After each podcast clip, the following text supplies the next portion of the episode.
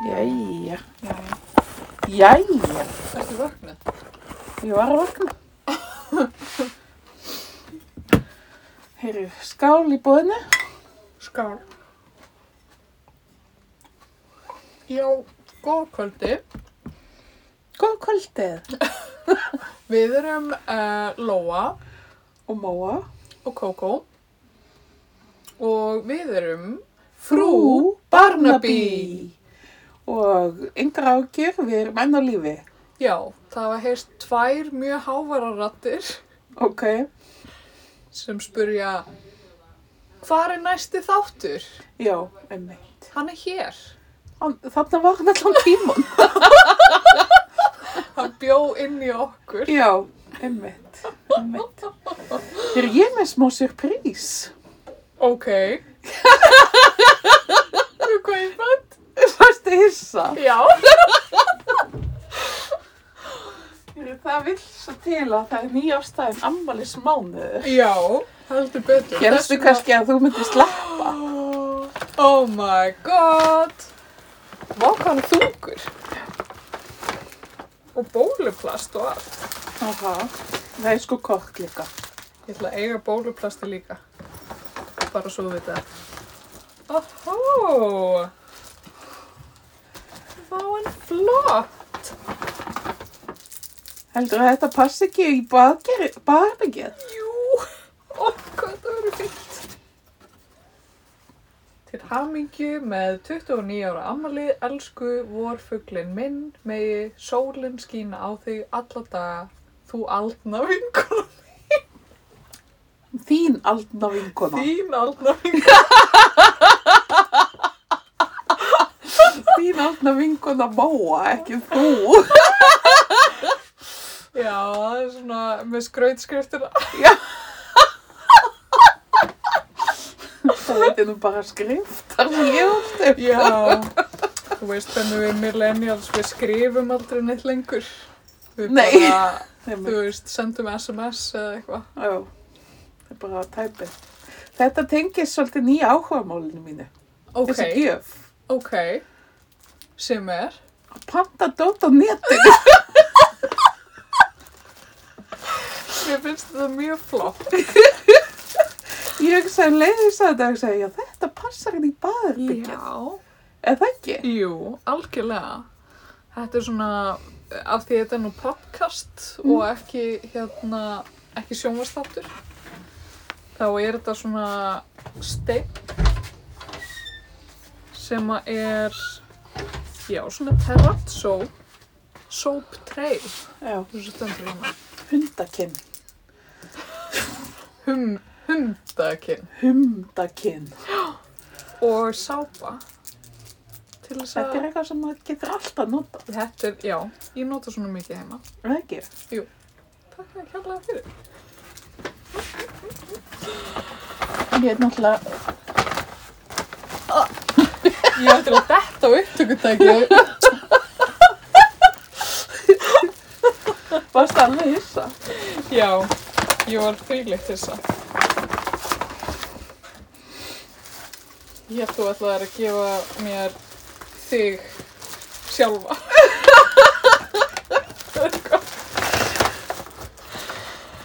oh, herðu, en, en það var, þú áttir fyrst ammali, Já, svo átti ég ammali, já. en svo átti hlaðvarpið ammali. Hér, já, og við heldum upp á það. Já, óvart. Já, og heldum videopöld. Og við loksins letum varða að því að við mm, horfðum á myndina Spencer. Já, Fannst þér svolítið þegar við vorum að horfa á hana bara til þess að byrja með eins og þú veist að því manna hún kom út í kringum jólin. Fannst þér svolítið eins og við værum svolítið seinar að horfa? á hana? já, ég fekk þá tilfinningu. Fannst svolítið svona, aha, við hefðum átt að vera að horfa út um Já, jólin. já, já, já. Ég langaði líka svolítið til þess að væri jól. Já.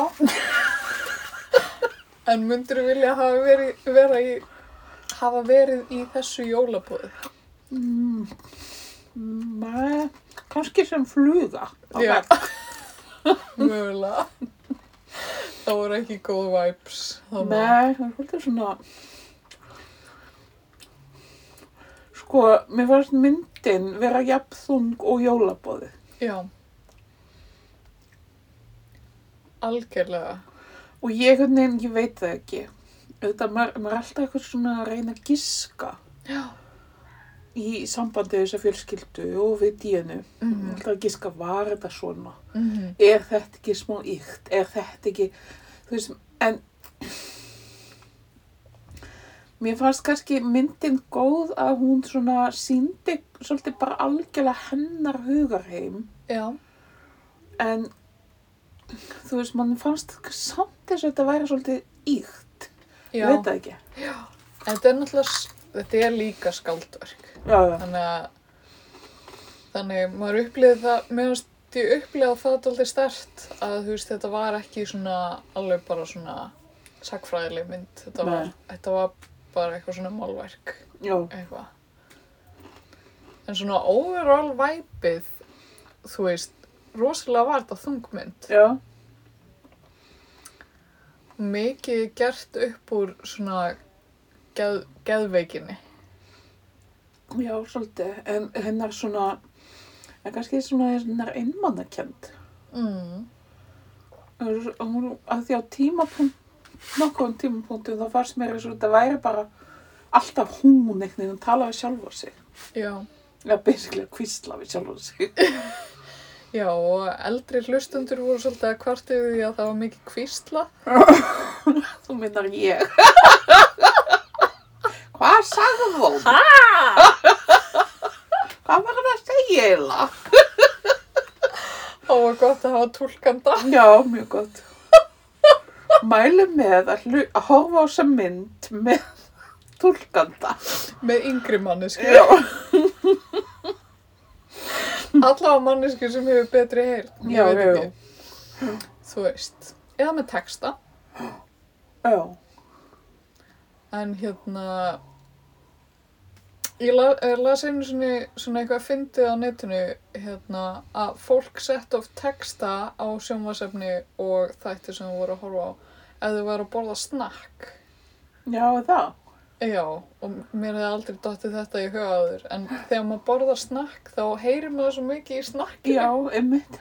að þá heyrir maður ekki nógu vel í sjónvarpinu og þá setur maður á texta. Má bjóðið snakk? Já, takk. Býtu, getur hérna rétt með hirtnatæki?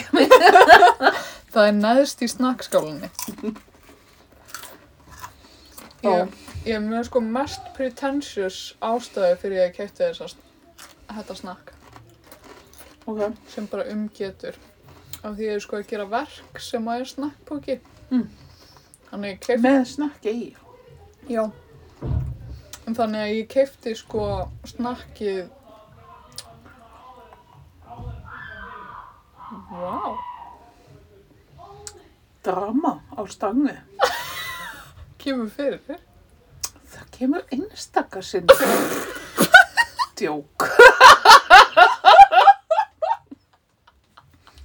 Þetta er bara daglegt bröð. Það er ekki tekið út með sældinni að vera unglingamamma.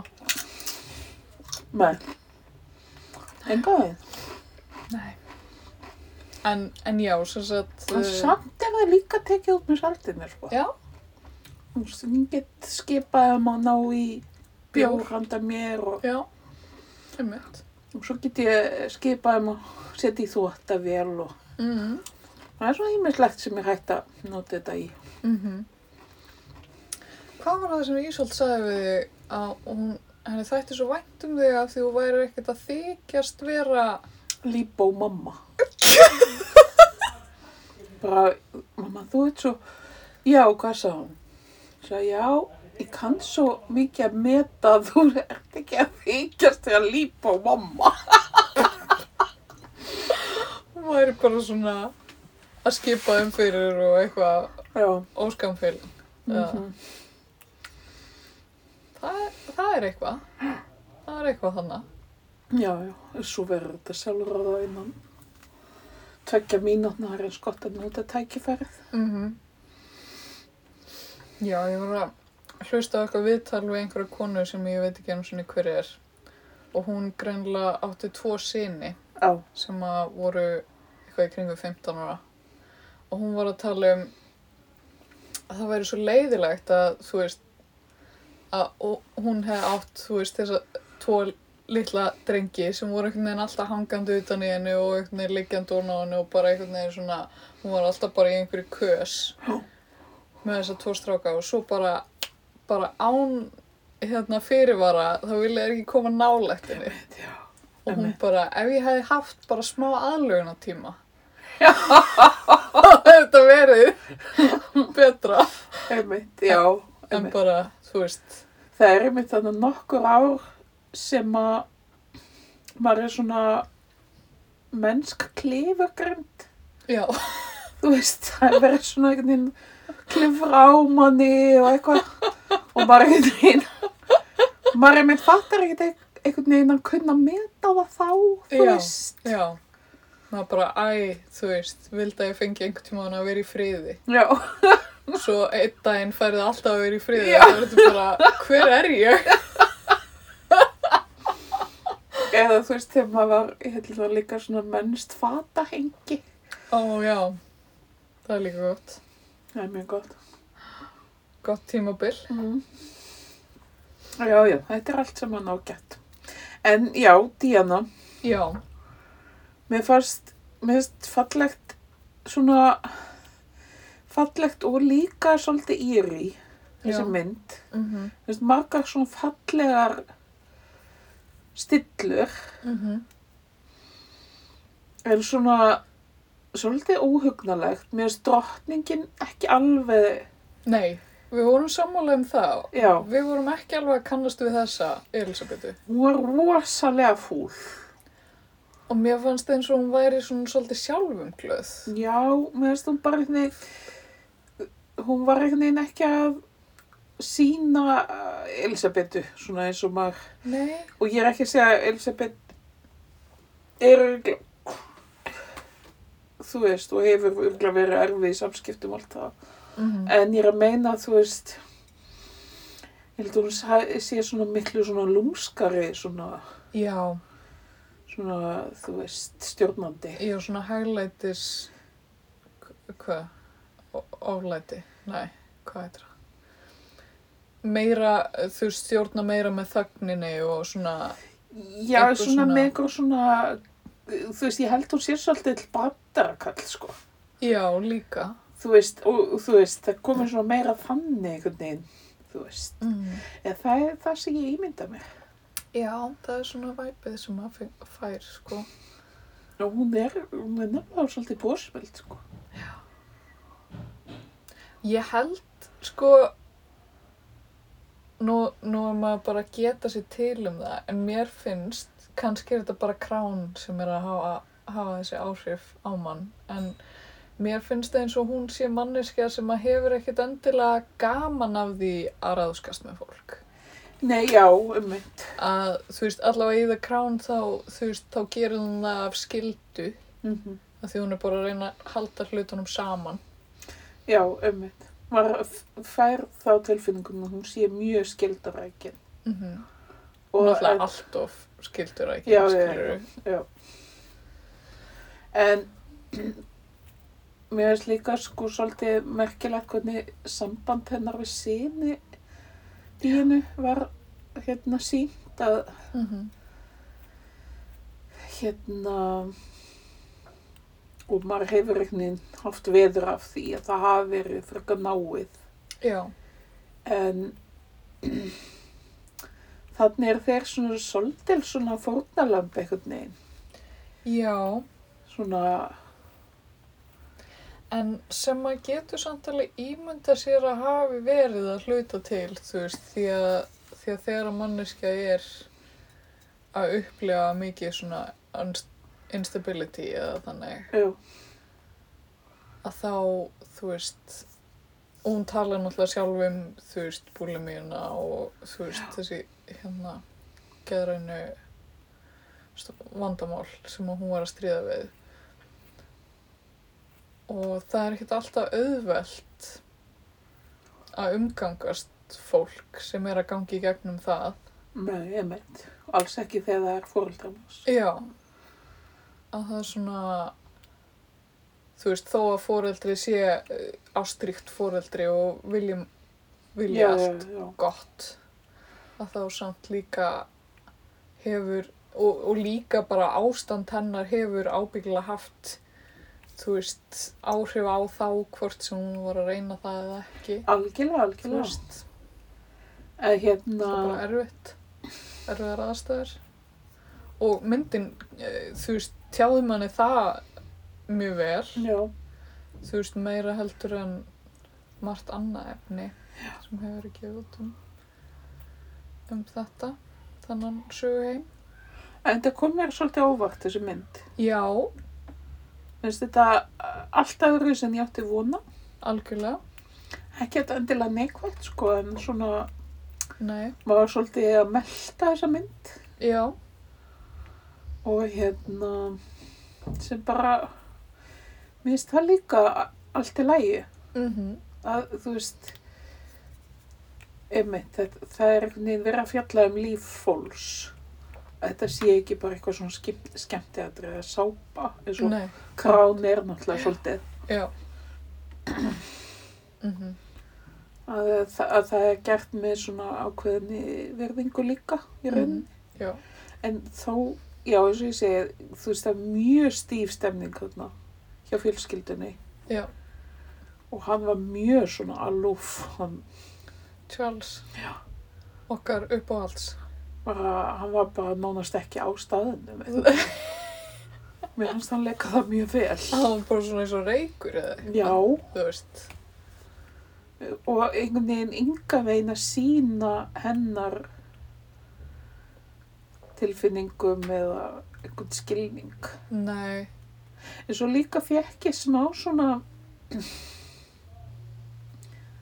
fekk svona tilfinninguna bara já rosalega er þetta mikil harmsaga já, frá allra sjónarhóttnum eða þú veist að því að Kalli þarna þú veist einhvern veginn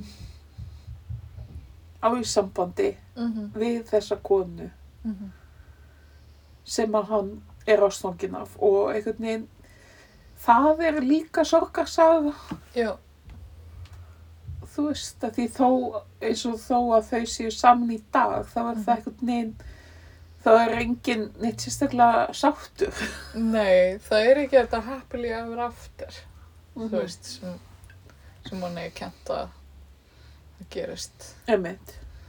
þú veist, Og svo náttúrulega sko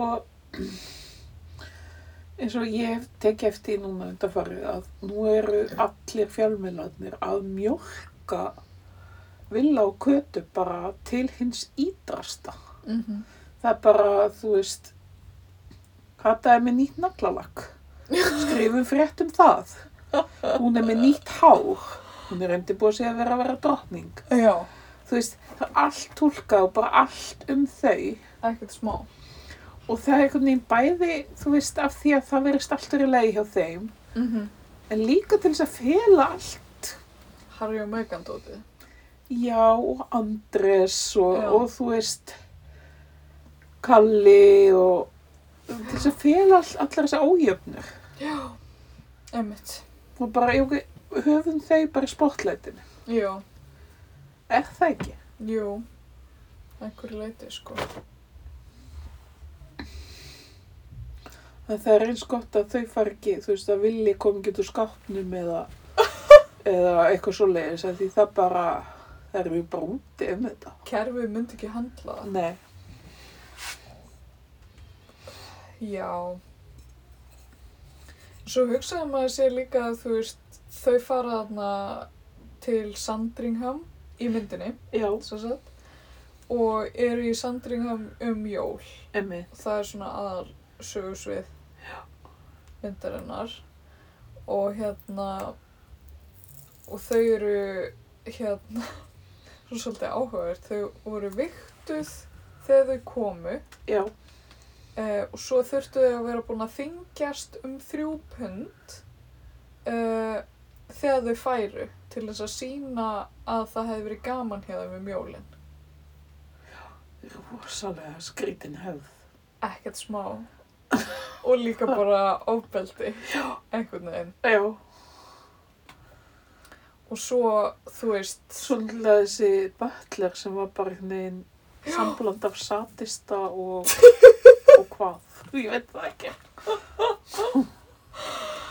oh, já vá og svo þú veist allur þessi matur og þú veist það er oft þú veist talað um söguna hann og díuna að það sé svona þú veist hún hefði bara verið í fallegu búri eða þannig eða Já, svona já, já. fallegu fangelsi Já, maður fær alveg þessa tilfinningu. Já, af því að þú veist, þau, þau eiga öll að koma þannig um jólinn, það er ekkert annað í bóði og þú veist, svo eru bara kom, komið með, þú veist, tíu mismunandi kjóla sem hún á að vera í. Við ákveðin tilefni. Já, það er búið að merkja kjólana með tilöfnunum Já, og svo eins og hún fór í kirkju í vittlausum kjól þú veist hún valdi sér að vera í eitthvað Christmas morning kjólnum þegar hún var Einmitt. að fara í kirkjuna og það var allir bara ó ó hvað er að gerast hér og maður er eitthvað bara wow já, maður fær alveg það mjög stert á tilfinninguna að hún hefur enga stjórn nei, á sínum aðstæðum eða umhverfi nei, og og þú veist eins og hún kemur hérna einn á bíl jú og það bara Já.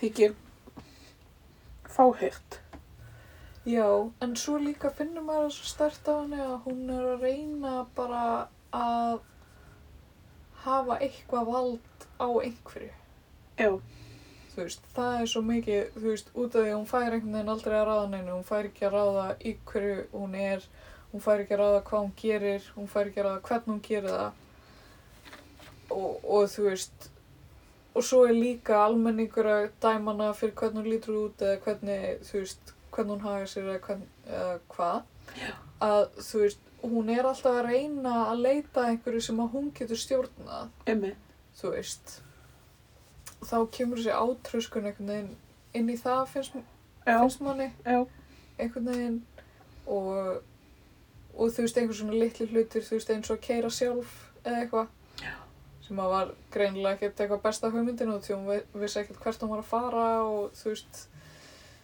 og líka bara kannski hættulegt fyrir Mhm. hann að vera einn eða eitthvað mm Það maður veit ekki. En já, svo, svo var hún alltaf í myndinu að reyna að fara hann eitthvað inn í æskuheimilið sitt. já sem var hérna við hliðin á Sandrikam Já. Og hún fer einhvern veginn þanga og hittir yngri, yngra sjálf. já, já, þetta er svolítið svona artímynd myndi ég segja Já, það eru fullt af svona senum sem eru svona ímyndar. svona, eh, svona, já, og svona vísanir og svo er hann að satistinn lætur hann að án þess að hún fatti að fá bók hann um Ann Bólín. Já, sem er svona, svona leiðarstef myndarinnar svolítið. Já. Svo hvað heiti leikonan sem leik hann að Maggi? Mér finnst hún svo æðisleg. Já, emmitt. Býtu, Mhm. hún, hún var í hérna stríð og frið. Var það ekki? Jú, hún leika, leikur hún ekki mömmuna í Paddington. Ég er ekki búin að sjá Paddington. Oh my god, Paddington er uppáhaldsmyndin mín. Ég veit það má. Ó, hvernig vissur það? Ok, þú þarft að horfa á Paddington. Ok, næsta fyrstu dag. Kvikmyndaklúpur frú Barnaby. Mjög eclectic samt. Kvikmynda. oh. En sko tónlistin, ef við tölum aðeins um hana. Já, vá. í þessari mynd eftir svona 45 minútur á myndinni þá vorum við báða bara guð mig góður hvað er að gerast með þessa tónlist af því Já. hún var ærandi Hún var það. Sko, hún er á köflum nokkuð góð, ég man ekkert hver þetta var sem Arna var að segja. Var. Þetta er Johnny Greenwood úr Radiohead, Já, hann hann. og hann er greinlega að gera alveg ágæti sluti með eitthvað djass eitthvað drasl. Mhm. En, so sorry, þetta var of, þetta fór yfir strikið. Já, sko þetta gerði alveg vist til þess að íta undir senur. Já. En, á, en svo var maður eiginlega svolítið svona þreyttur. Já, En svo líka... kannski, svo, eh, það var svona heldur íkt, þú veist, Já. hann er með, má tóna niður í, í þú veist. Svona stundum. Já. Á og til. Já, En svo líka, þú veist, listaverk eiga kannski ekkert alltaf að láta manni líða neitt rosalega vel. Þannig að kannski, þú veist, já, ég meina Maður þetta, horft á manni það. leið illa með díinu. já, manni leiði eiginlega illa allan tíman. Já, Það er eiginlega svona helsta umkvörtunarefni. þannig kannski var hann að gera góða hluti. Já. Fólk þarf bara að dæma fyrir sig. Já. Uh, Hvað ætlaði þú að gefa margar frúr? Um, ég myndi alveg, eh, er, eða skali af tíu frúm. Já, Um, ég myndi alveg gefa þessu bara góðar sjö. já.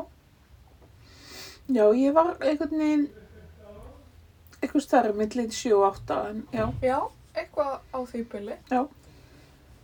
Og hrifin. já ég, ég veit ekki með hrifin, en svona, Nei, já. hún svona skildi eftir sig svona, Já, maður var undir áhrifum. já, ég var ekki, þetta var ekki eitthvað sem ég glemdi strax. Nei. En þetta var samt ekki gaman. Nei, þetta var, ég, þú veist, nei, það er gaman samt að horfa eins og, þú veist, allir maturinn og desertarnir og þegar þau voru að þylja upp hvað er í matinn, mér finnst það svolítið interesting. Einmitt, og við vorum svolítið að googla Mhm. hvað við vorum að borða þarna og eitthvað. Já. Mér finnst þetta bread and butter pudding Já, hljómað aldrei vel. já, Googlaði það eftir á, við vorum að borða það. Kannski við gerum það fyrir gestin okkar í næstu viku. já, nei, er það. Ég veit það ekki. Þetta hljómar eitthvað svona ágislega erfitt að gera. Nei, þetta er bara eitthvað brauð og eitthvað. Mm.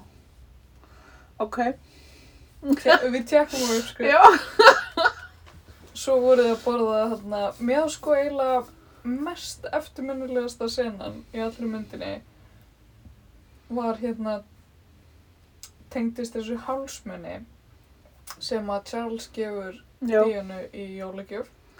sem hann á að hafa gefið Kamilu alveg eins. Já, og það fyrir það fyrsta er bara hrikalegt.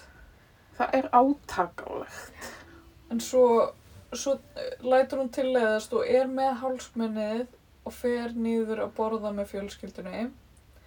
Og það er einhver svona pea and mint soup. Já, það er mitt, það er rosalega eftirminnileg sinna. Og það er svona einn af þessum ímynduðu sinnum þar sem að hún, hún einhvern veginn slítur af sér hálsmennið. Spoiler alert fyrir ykkur þann úti. Já, En ég hún slítur af sér hálsmennið og þetta eru svona rosalega stórar perlur. mhm, og perlina fara út um allt meðal annars ón í súpuna hjá henni og svo borðar hún bara súpuna já, og þvingar, stór, eh, þvingar sér til þess að kingja þessum risa stóru perlum einmitt. og þetta er bara svo ógeðslega intens Já, þetta er alveg ríkala og það er alveg svona já. tónlist undir. Það er bara eitthvað, óh. Johnny Greenwood bara eitthvað alveg í þessum sér Já, einmitt. Ah. En bara, já, virkilega gaman. já svo þetta var svona DNA-hótt dagsins Já, vídeo, díjanu, Já, vídeohorn dagsins. já. Ertu, það er svolítið langt síðan við gerðum liðin sögur úr sundi. Ertu með einhverja sundsögu? Já, ég var enda að koma sundi. Mm. Var eitthvað sem stendur upp úr? Um, ég ég er að sögur sundi og mér er yfirleitt, ég er bara að sögur að mömmu.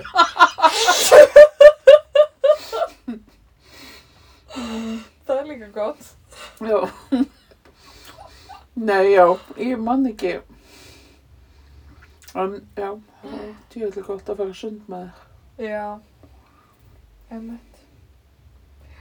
En þú, ert þú með? Já. Ég er að reyna að muna eitthvað síðast. Jú, ég get sagt þér einu sögur Ok. sundi. Komðu með. Ok, ég veit ekki hvort þú tekið eftir því, en það er ný tíska í sundi. Að vera með bikinnið upp í rassunum. Já! Oh my god! Ég er svo glemt að hafa giska. Hvernig vissir þið? Ég held að þetta væri bara kópói, en vá. Nei, Það voru allar gælutnar með sko raskinnarnar úti Já. og nær, eh, hana bikinibuksunar Já. tróðnar í rassin Já. á svona eh, ekkert endilega, Æðislegan hátt. nei, Ég þú veist, veit- man, ég man maður gerði þetta þegar maður var að fara í svona vassrenni breytt. Kannski er það svona markmiðið. Þetta var ekki markmið hjá þeim, þetta það voru svona Instagram pæður, sko. Já, ég hef mikið pælt í þessari nýju, eða þetta er nú kannski ekki alveg nýtt, en þetta er trend sem er í gangi. Já, Er ámaður E, að vera að gera þetta? Ég veit það ekki. ég, Ég veit bara ekki hvort ég gæti verið þessi típa. mæ, ég veit það ekki heldur. Og svolítið erfitt með að sjá það fyrir mér allavega. Já, ég sé mig ekki alveg fyrir mér með rassin úti, en þú veist, þetta er svona... Já, það voru eiginlega alla pæðunar, sko. Það tekur hugur ekki á þessu liti. Í- pff, Já, örgla. Alltaf þetta sé ekki óþægilegt. Það er með það sem ég var að spá. Ég var eiginlega alltaf eitthvað svona að Ég er eitthvað svona, þú veist, reyna að laga þeir eða eitthvað. já, þetta er eins og að vera með bara eitthvað að ná, Já. þú veist. Af því þú veist, þegar maður er í nærbuksum, þá er maður alltaf, þú veist, óslega pyrraðið þegar nærbuksum er alltaf að fara upp í rassin á manni. Já. Þú veist, er, væri þetta ekki bara svona svipu tilfinning, spyr maður sig? Ég myndi alltaf það, sko. Af En sko, það er, því þetta er, ekki, þetta þetta er er víst, ekki eins og gestrengur eða neitt. Þetta er Nei. eins og bara, þú veist, svona litla nærbuksur sem maður eru samt upp í rassinum. Já, já, já, já.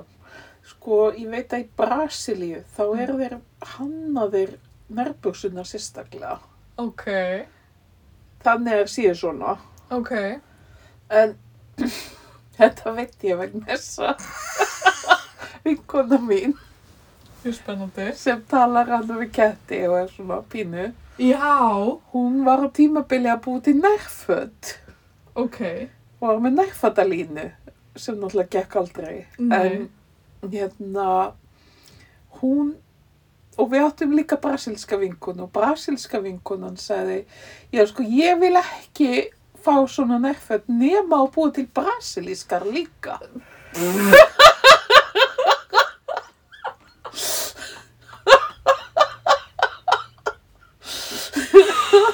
Ok, konarnir hafa aðeins svo mikið vald hana í þessu, í þessu samingi. Nema, en það var svolítið fyndið með þessa nærföldalínu að hún eitti alveg rosalegum pening í að láta einhverja konu á Ítalíu sauma einhvern slopp Ah. Og svo var hún alltaf að tala um það en ég vantaði í svo sett mail model Já, fyrir sloppin og hann átti að vera svona dökkarður og svona suðrætt, svona svolítið ítölskur og eitthvað. mm Ég segi, já, viltu ekki bara farnar, segi ég. Og hún vildi ekki farnar. nei. Ég fór í fílu út í hana. Og bara, Hvað er mikið Spilaði lágu það? ítalskur fyrir þau? Eh, bara við annan pappa á hverfinu sem var hálfur hafaískur. Ok, Ég var freka móka sko. Já. Ég hefði nú alveg geta borið okkar bunkokrem og orðnar. Ömmett. Annað eins hefði nú verið gert. Á þessu heimili.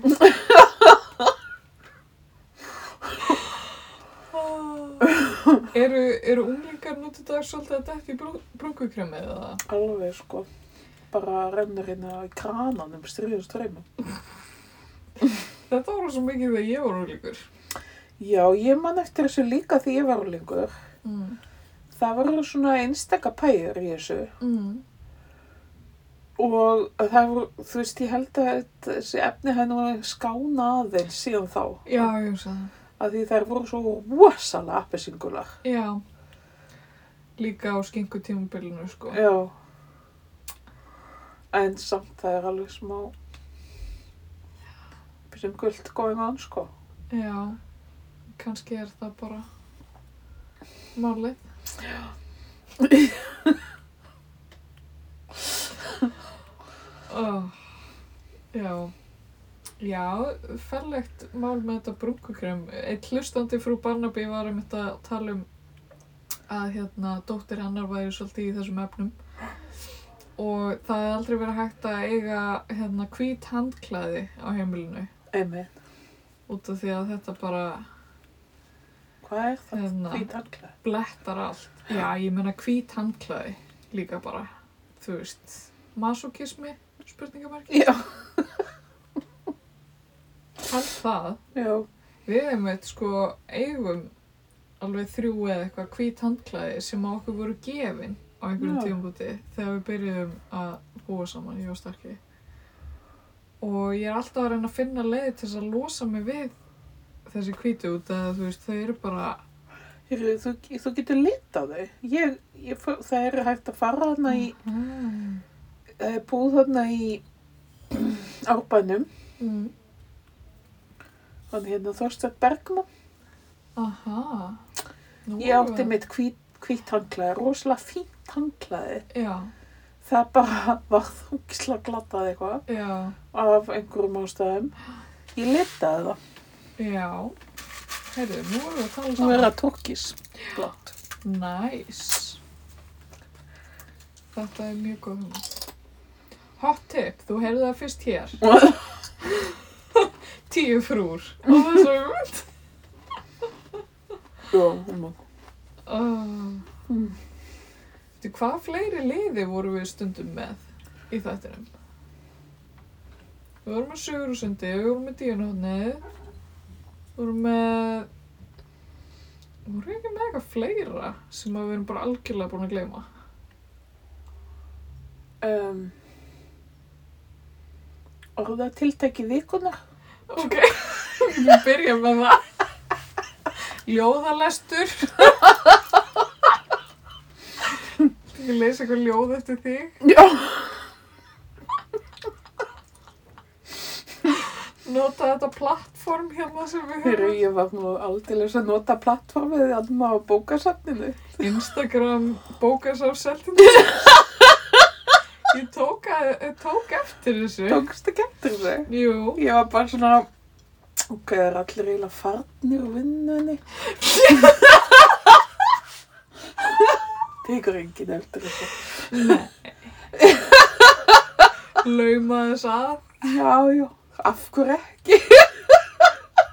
því ekki það Þetta verður gleymt á morgun. já, já ég sá að þetta var komið með einhver 11 like hana Wow, það er bara met. já, sem svona nánast stjórnandi Instagram síðunar bókasafsel stjórnandi það er svo fyndið að halda út í Instagramum fyrir einhver svona batteri sem maður er eitthvað svona já, ef ég væri bara svona hverna, hver annar svona citizen þá myndi ég ekki fylgja þessu skilur eins og Söðaneshús er með Instagram sem Já. að ég bjó til og postaði inn á bara svona eitthvað á til og ég hef byrjað að gera þetta eiginlega meira svona lifestyle Já, svona þú veist bara eitthvað svona sem við erum að gera þú veist á safninu eitthvað við erum að búa til söldu eða þú veist með græmitiskarðina eða eitthvað En þú veist, fyrir hvernig er þetta? Here, by the way. Já, ok,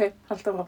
Bara, þú veist, að að það er svo fyndið að gera Já, þetta já, já, og svo fann sko- maður svona eitthvað tíu like og maður eitthvað, ah, til hvers einu svona, þú veist. Já, það er enda góðu punktur vegna þess að það var eiginlega ég sem instigitaði svo ég sletti Já, Instagramið á okkur samnið, þannig að já, fyrir hvern erum við að gera þetta? Fyrir hín bókasöfnin, við nákvæmlega, erum í fókin samkefni Við hin. nákvæmlega. og við erum öll að reyna að vera ámt bókasöfni og akureyri.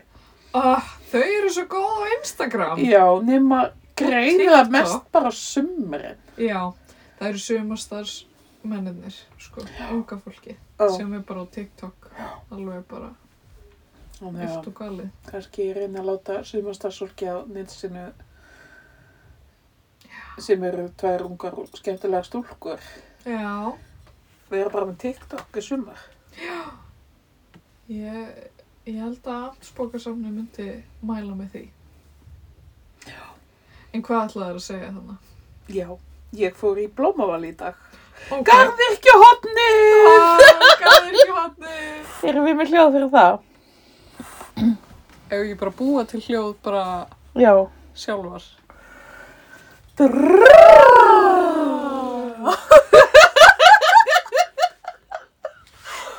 Ó. það er glöti hljóð en ok við, við, við workshopum þetta aðeins. Já. Sko við verðum að vera eins og fræ sem er að, að vaksa. Hvernig Myndur þú segja að það væri þannig? er fræ að vaksa? Þetta var sko græðlingur þá. Já, ok. Tjúk! Og svo, svo þegar hann heldur áfram að vaksa, þá er það meira svona "Ah." eitthvað... "Ah." Þannig hljóðið er tjúk. Ó.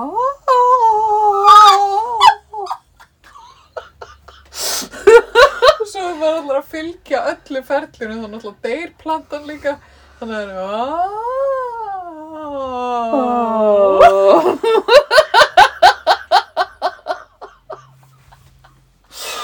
Ok, já. Ok, garðirkjuhotnið. Já.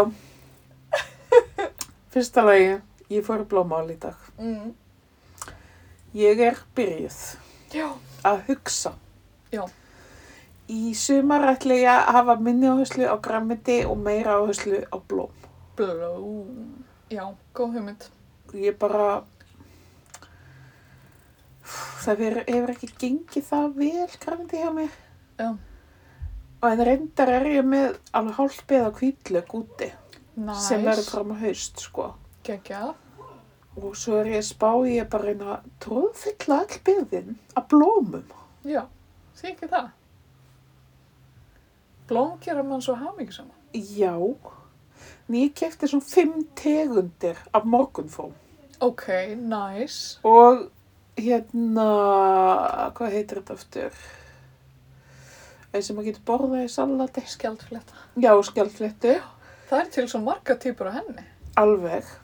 Kæfti einu, meira alveg annars eina sem heitir African Queen. Ó! er hún rauð eða eitthvað? Já, nice. eða hann er marglitur. Ok, nice. Og hérna,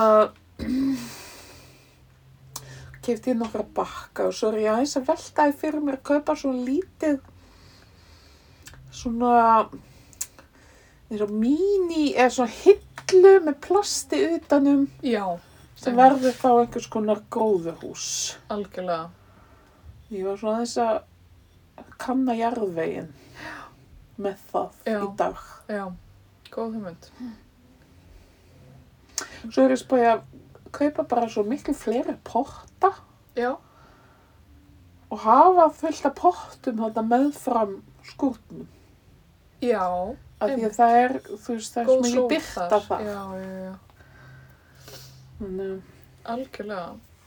Svo hot tip, sko, að því nú áttu þetta að rækta svo margar morgunfrúr, að hérna uh, í fyrra þá tók ég svolítið að fræjum úr morgunfrúm sem voru búin að hérna, búa til fræ. Já, ummitt, sem er svona svona litli bananar. Já, litli svona grænir og brúni bananar. Já. Tók fullt af því Já, ég held ég hef gert það líka, ég bara man ekki hvað er þetta. Já, En það er bara að spýra fínt. það er að spýra bara. Já. Hó- Nú, ó, já, svo er ég að spá ég að vera með smá versmiði, sko. Ok. Á morgun fór olíðinni, Já, Ormóni Blómsson.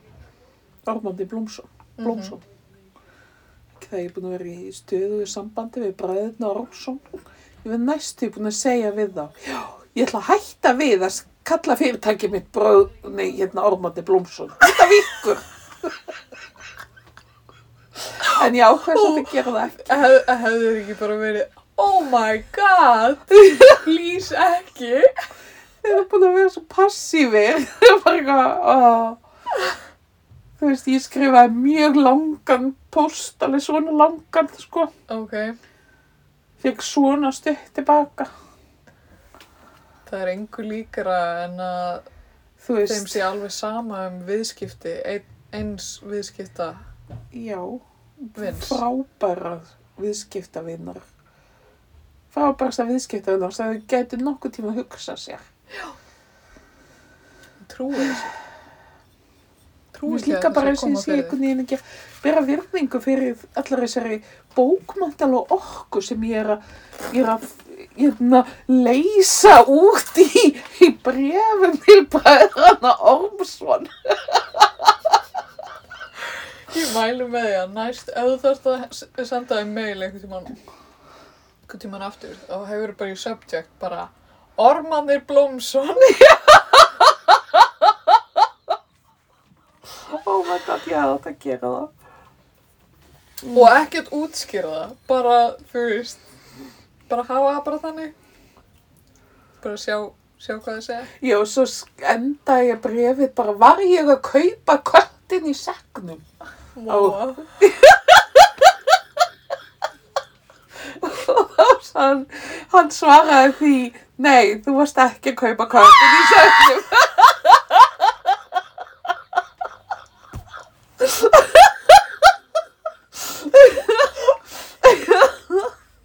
Mér langar svo ekkert bara að vera að fluga á vegg þegar það er búið að fjúka svona í að þú verður svo ógislega fyndin alltaf verður að segja mér eitthvað svona það er bara, hvað er hvað er að gera þetta? Þetta var þetta mjög skaldlegt bref hjá mér, sko. Og ég segi sjálf frá. Já, já, ég trúi því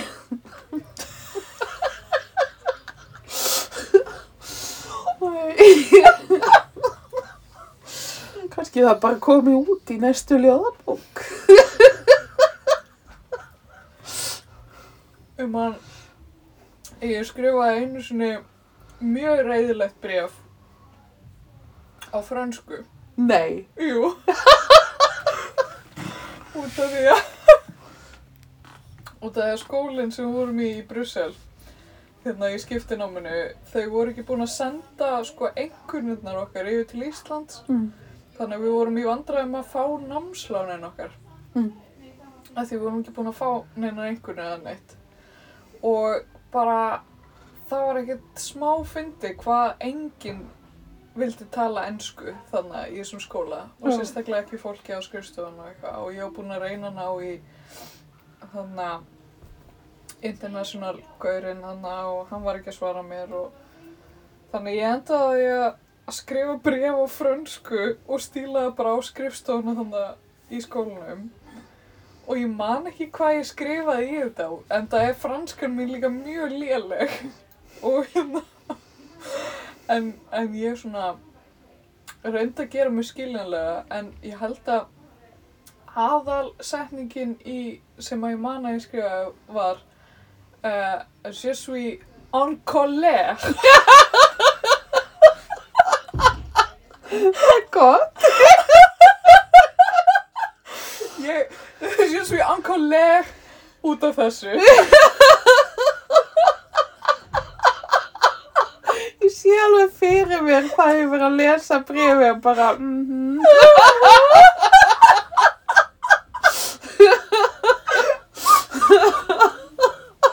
Ankáleg. En þetta skiljaði árangri.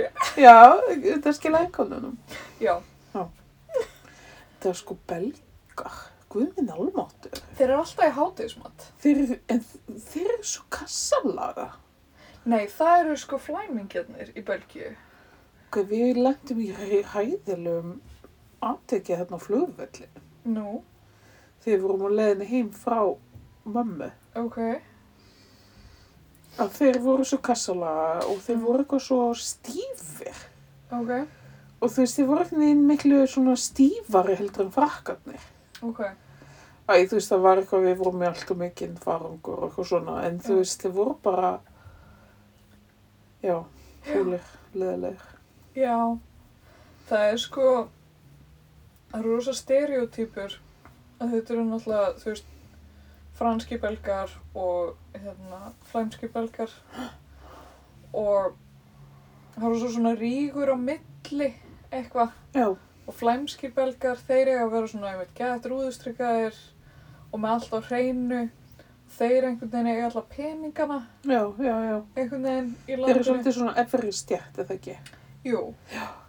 Og hérna hafa svona þetta orð á sér að vera bara eitthvað svona gegja, þú veist, já, svona svolítið þýskir eitthvað. Já, En hérna, en að, fr- eh, þú veist, frönskumældu belgandi, þeir eru svona, þú veist, hafa það orðspur á sér að vera svona svolítið latir og þú veist, einhvern veginn já, a- a- alla alls konar fordóma sem að fólk hefur gegn, eh, hérna, lægri stéttum.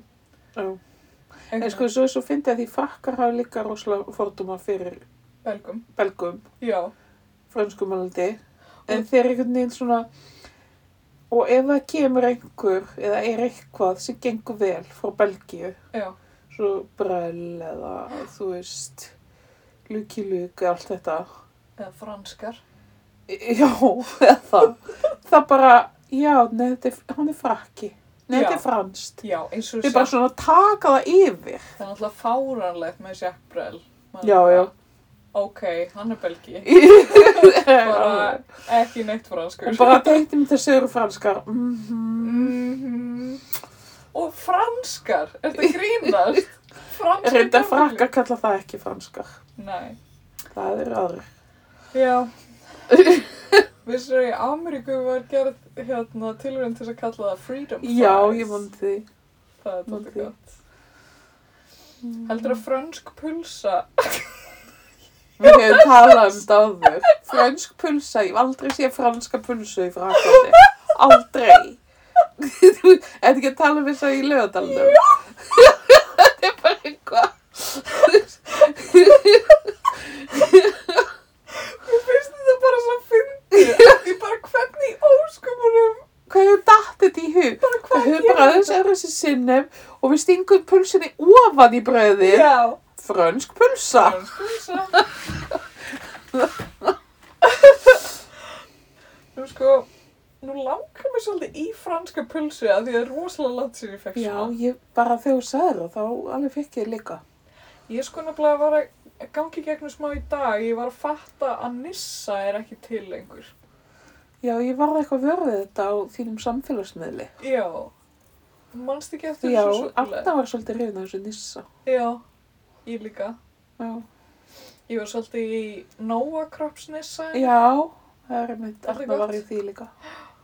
En svo sko, mér finnst lakrís ekkert sérstakur og hérna, en ég fekk einhvern veginn í dag, þá var ég að hugsa um, þú veist, Nissa og allir þessi Nissu, sem, þú veist, líka bara fárlegt nafn og nammi, hvað, hvað þýðir þetta?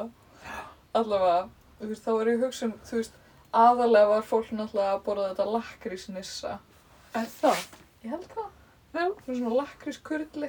Og þá allt í henni langaði mig svo mikið í það, bara af því ég veit að það er ekkert sem er Já. það lengur. En svo reyndar heitir þetta bara eitthvað annað, sko. Já, er þetta ekki þess að Sirius eitthvað? Bara eitthvað svona lakkrís lengja Já, eða eitthvað. já. En það er bara eins og Sirius hafi ákveðið að allt ætti að vera leiðilegt. Svolítið. Mér finnst veist. svolítið leðilegur umbúður utan um það. Mjög. Já. Og þessi pralín og þetta. Já, já, já. Ég held sko, ég held að það sem hafi gerst með Nissa, Já. ég tók ekki eftir því að Nissa hefði breyst út af því að það voru sveipum tíma og Pip breytist. Já, um, það var uppáld að safnast líka. Já, mitt líka. pipamintu pip. Það var ekki fyrir en svo lengur setna sem að karamellu og Nú, já, lakrís já, já, já, ok. kom. Það var eitt sem var, eitt nammi sem var svolítið til sölu þarna á Hótel Reynihlið þar sem ég var að vinna fyrir y- yfir 20 árum síðan. það var kaffisúkulaði. Já, einmitt. Það er eitthvað svona svolítið notaleg svona gamaldags fílingur yfir því súkulaði. Já. En annars er ég bara svolítið klassísk sko, Mm. prinsbólu. Einmitt. Ég hérna, ég og Starki vorum eitthvað að googla Nissa þarna í morgun og hérna fundum eitthvað blogg þar sem að amerísku maður var að gefa íslensku súkulæði einhvernir. Nei. Jú. Og hann smakkaði alls konar íslensk súkulæð og eitthvað að tala um þau. Og hann var að smakka eitthvað alls konar súkulæði, þú veist, eins og eitthvað duett frá Freyju. Já. Og maður er eitthvað, borðar einhver það, skilur Ég var að segja, ég er eiginlega bara, mér finnst íslenskt nógu súkulaði. Ekkert sérstakt. í alvöru. Ég er, ok, ég veit, ég er landráða kona. Mhm. En bæði konfektið, páskaekkin Já. og, og allt þetta, þú veist, mér finnst sko suðusúkulaði, það er, það er klassik. Mhm. Það er, það er ekki hægt að snerta á því. Nei, nei. En þetta mjölkusúkulaði, það er eitthvað svona ynga bragð sem ég fíla ekki. Ég er nefnilega, sko, ok, hot take. Já, Uh, ég, ég er fullkomlega ósamlega. Uh, og hérna, ég veit að þetta er útrúlega ósmekkleg skoðun til þess að hafa, en mér finnst mjölkusúklaði frá Sirius, það er uppbólsúklaði mitt. nei. Jú. Og ég veit þetta er ömuleg skoðun til að hafa. Mér hefur bara alltaf fundist þetta og alltaf þegar ég hef verið búið í útlöndum og eitthvað, þá hefur svona st- stundum þú veist hugsað bara eitthvað, æ, maður langar svolítið bara í Sirius. Já, ok, vá. en mér finnst svolítið leiðilegt að mér finnist þetta, sko. Já, Þú veist, mér finnst það ekki smekklegt. því sko dóttir mín, hún borðar svona mjölkusúkulaði plötu með yngu. Já, ég Henn lef finnst þetta alveg æðislega. geðveikt gott. Með mjölkuglasi til dæmis. Já. Mér finnst páskaeggin geggjuð. Ég vil ekki hafa neitt drasl í. Og ég er að að rifja upp sko með nissa eða einmitt. Það var hægt að fá nissa sem maður var ekki með neinu í. Og ég fekk mér það alveg stundum sem er basically Sirius lengja nefnum Já. bara meira súkulega. Og þá allt í henni fór ég líka að hugsa um sko Sirius sælgjöndis framleiðsluna. Þetta eru bara svona mismunandi pakningar utan um sömu vöruna. Nákvæmlega. Þetta er ógeðslega fyndið, þú veist, það er eitt sett sem er Sirius lengja með lakrís og svo er, þú veist, lakrís nissa sem er bara nákvæmlega sama súkulæði nefnum bara með lakrís kurli í Einmitt. eitthvað og svo, þú veist, þetta er bara svo ógeðslega fyndið. Já. Já, Þannig ég, svona. en sko ég reynda með mjög gott tips ef þið búið í útlöndum. Já, Einu sinni þá vorum við veik um páska. ok, Vorum eiginlega bara forveik. hot tip, og svo þannig að við einhvern veginn kiftum engin páskaegg já, hér vikuna eftir allt á afslæti yes, það var ótrúlegt já, og það var líka og þú veist það er allavega í Ediborg það er til svona þú veist alvöru svona vimber plus þú Já. veist með belgísku súkulaði eggjum og eitthvað Já. svona dásend eitthvað þannig að bara býðið bara með páskana í viku Já. þá hafið þið efna á meiri súkulaði more is more, ekki það að hérna já, ég veit ekki meir nei. ég og Starki vorum auðvitað að rifja upp þegar við byggum í Belgíu að það, það eru svona svona konfektbúðir út um allt Jú. svona náhás og eitthvað svona Já, eitthvað svona nauðhás, klæðjurhás og hérna og við vorum stundum að fara inn í þær og þú veist, út af því að hver konfektmóli kostar, þú veist, svolítið mikið eða þú veist, allavega þegar maður var Í í skiptinámi Já. uh, en við fórum stundum inn og þú veist, keftum okkur svona einn móla á mann Já. bara eitthvað svona, þú veist, eina trufflu eða eitthvað og það er eitthvað svo geggja mikil nöytn í því að kaupa eitthvað svona eitt pínulítið dýrt súkulag Já. eða svona svona hvítt súkulagi með hérna pistasjöfyllingu Mm. það er svo gott, Nammi. aðeinslega gott Já, m- ég reyndi að það er eitt sko, ég umst upp við að fá brotin egg alltaf frá Íslandi. Emmett Og- ég er einslað þessu líka Og mér, það sem mér fannst skemmtilegt við íslensku eggin sem var ekki í Fraklandi, já, það var alltaf dót inn í. já, Emmett Þú veist, það, það var ekkert, þú veist, ég man reyndar að ekkert tíma. Þá, fékk ég svona, þá fór ég í svona páskaeggjalitt mm og fekk svona rísastóra súkulaði kanínu ok og svo bara einhvern veginn sem var bara hóla innan, þú veist. mm Svo einhvern veginn dagaði hún uppi og varð svona aflituð og, og svona bránuð og svona alls konar. já, Af því var einhvern veginn að gæti ekkert verið að borða allar þessa kanínu. nei En já, Þetta er eins og 17. júni blöðrurnar sem manni fannst svona aðeins og flottar já, að þú veist þær voru einhvern veginn bara svona alltaf minna og minna heljum í þeim já, þangar til að þær eru orðnar að einhverju svona rusli af gólfinu já, þær eru samt svo dásamlega fallega Ó, mann eftir að hafa hugsað eitthvað svona ég fekk henni svona í blöðru sem, á 17. júni sem var svona höfrungur geðveikt flottur svona og þú veist þú veist hvernig áferðin er á sem Já, þú veist þetta svona glansandi, cellofan já. einhvern veginn ógeðslega fallegt eitthvað og aðstæðan svo flottur og ég bara eitthvað að hugsa, ó, ég ætla alltaf að eiga þetta ég ætla bara að setja þetta upp þú Já. veist, hengja þetta bara upp á vegg þegar það er- loftið er farið úr honum og eitthvað svona Að ég veit það ekki. þegar, þegar maður er lítill þá er maður með alls konar svona einhverja hugmyndir eins og þegar ég var lítill þá var ég alltaf að teikna myndir af hvernig heimili mitt myndi vera já, þegar ég er fullarinn, þegar ég myndi þú veist búa einn og þá var ég alltaf að ímynda mér að ég myndi vera með svona svona uppblásin stól ég er svolítið áttið það deg. mannstu ekki að þessu Ó, Ég átti sko þannig líka og það var hérna við byggum í eitt ár hérna hjá ömmu og afa eiginlega það er íbúð sem sagt í bílskurnum þar sem þau bygg alltaf og þegar við fluttum heim frá Malawi þá sem sagt pappi voru úti ennþá að vinna og ég og mamma og Ástís fluttum heim og hérna þá byggum við bara eiginlega í bílskurnum og það er bara svona stúdíu íbúðið þannig og hérna ég mátti vera með eitt herbyggi sko uppi hjá ömmu og afa til þess að svona fá að vera í friði sem var geggja næs já, nema að þetta herbyggi var bara eitthvað svona minnsta herbyggi í sögu herbyggja og